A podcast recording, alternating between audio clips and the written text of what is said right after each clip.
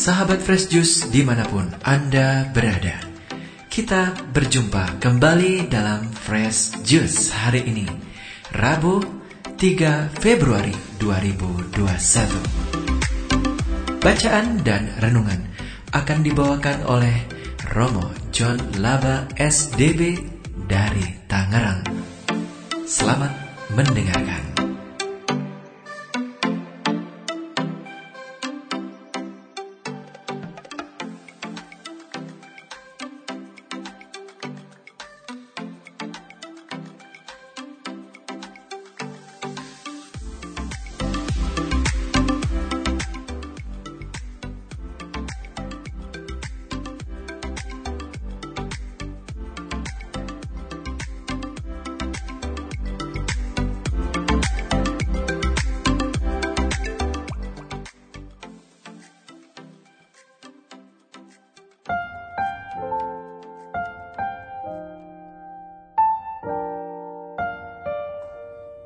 Saudari dan saudara yang dikasih Tuhan, jumpa lagi bersama saya Romo John Laba SDB dari Komunitas Salesian Non Bosco Tiga Raksa, Tangerang. Sekarang saya sedang berada di ruang kerja saya. Hari ini kita akan mendengarkan bersama-sama dan merenungkan Injil Markus bab 6 ayat 1 sampai 6. Semoga Tuhan beserta kita sekarang dan selama-lamanya. Inilah Injil Yesus Kristus menurut Markus. Dimuliakanlah Tuhan. Pada suatu ketika, Yesus tiba kembali di tempat asalnya, sedang murid-muridnya mengikuti dia. Pada hari Sabat, Yesus mulai mengajar di rumah ibadat dan jemaat yang besar takjub ketika mendengar dia. Mereka berkata, "Dari mana diperolehnya semuanya itu? Hikmat apa pulakah yang diberikan kepadanya?" Dan mujizat-mujizat yang demikian, bagaimanakah dapat diadakan oleh tangannya? Bukankah ia ini tukang kayu, anak Maria? Bukankah ia saudara Yakobus, Yoses, Yudas, dan Simon? Dan bukankah saudara-saudaranya yang perempuan ada bersama kita? Lalu mereka kecewa dan menolak dia. Maka Yesus berkata kepada mereka, seorang nabi dihormati di mana-mana, kecuali di tempat asalnya. Dan juga di antara kaum keluarga dan di rumahnya. Maka Yesus tidak mengadakan satu mujizat pun di sana, kecuali menyembuhkan beberapa orang sakit dengan meletakkan tangannya atas mereka. Ia merasa heran atas ketidakpercayaan mereka. Lalu Yesus berjalan keliling dari desa ke desa sambil mengajar. Demikianlah Injil Tuhan kita. Terpujilah Kristus.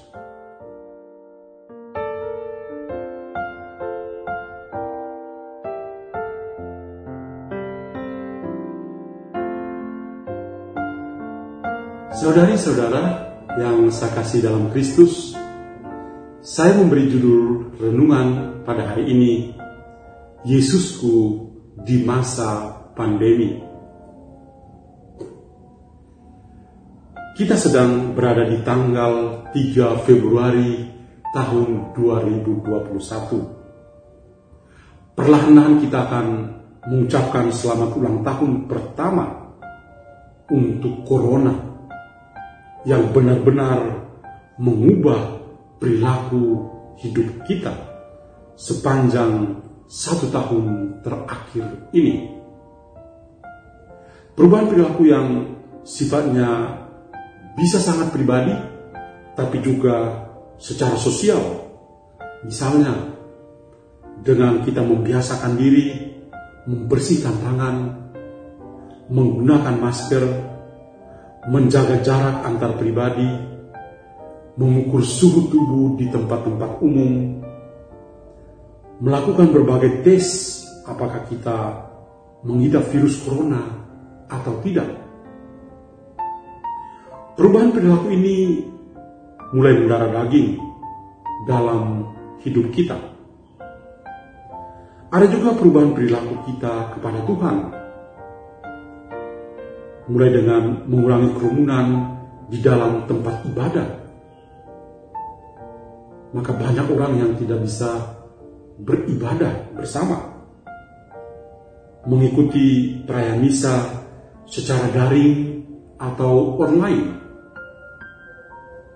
ada juga yang perlahan tidak berrelasi lagi dengan Tuhan karena merasa diri kecewa dengan Tuhan. Mereka mengalami dampak langsung dari pandemi COVID-19 ini. Mereka memang mengakui diri sebagai pengikut Kristus, orang-orang Katolik, tapi dalam hal-hal tertentu tidak lagi percaya, merasa kecewa karena pengalaman manusiawi yang sedang mereka alami sendiri. Mereka lalu bertanya-tanya, kalau Tuhan itu maha baik, mengapa dia mengizinkan corona merajai dunia dan menelan begitu banyak korban jiwa, termasuk sanak keluarga atau orang-orang yang mereka kasihi. Ada yang secara terang-terangan mengatakan kekecewaannya dan menolak Tuhan di dalam hidup mereka di dalam masa pandemi ini. Fenomena ini membuka wawasan saya untuk merenungkan Injil yang barusan kita dengar saya bacakan tadi. Penginjil Markus secara singkat melukiskan kisah Yesus yang unik dan luar biasa. Dia selalu berkeliling dan berbuat baik, dan akhirnya bersama para muridnya tiba di kampung halamannya, yaitu di Nazaret. Ini menjadi sebuah kesempatan di mana di usianya yang sudah matang, ia boleh menunjukkan jati dirinya sebagai anak Allah, penembus umat manusia kepada orang-orang sekampung halamannya. Bagaimana caranya?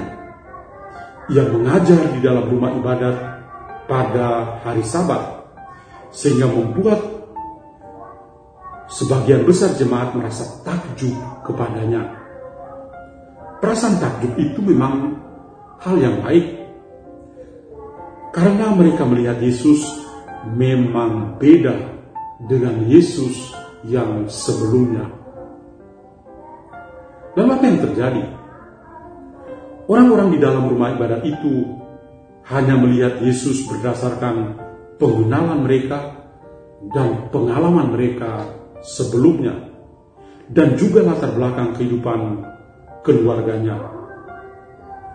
Inilah pertanyaan-pertanyaan yang menunjukkan kekecewaan mereka kepada Yesus. Dari mana diperolehnya semuanya itu? Hikmat apa pulakah yang diberikan kepadanya? Dan mujizat-mujizat yang demikian, bagaimana dapat diadakan oleh tangannya?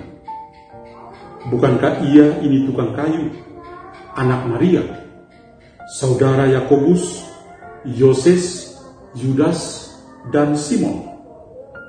Dan bukankah saudara-saudaranya yang perempuan ada bersama kita? Mereka hanya melihat Yesus dari luar saja dan dari latar belakang keluarganya. Dan lebih menyedihkan, orang-orang di dalam rumah ibadat itu merasa kecewa dan menolak Yesus. Sekarang mari kita masuk ke dalam pengalaman hidup kita. Sebagaimana saya katakan sebelumnya, banyak orang yang mengenal dan mengakui serta mengimani Yesus, namun di masa pandemi ini mereka merasa kecewa dan menolak Yesus karena pengalaman manusiawi yang keras sebagai dampak dari pandemi COVID-19 ini.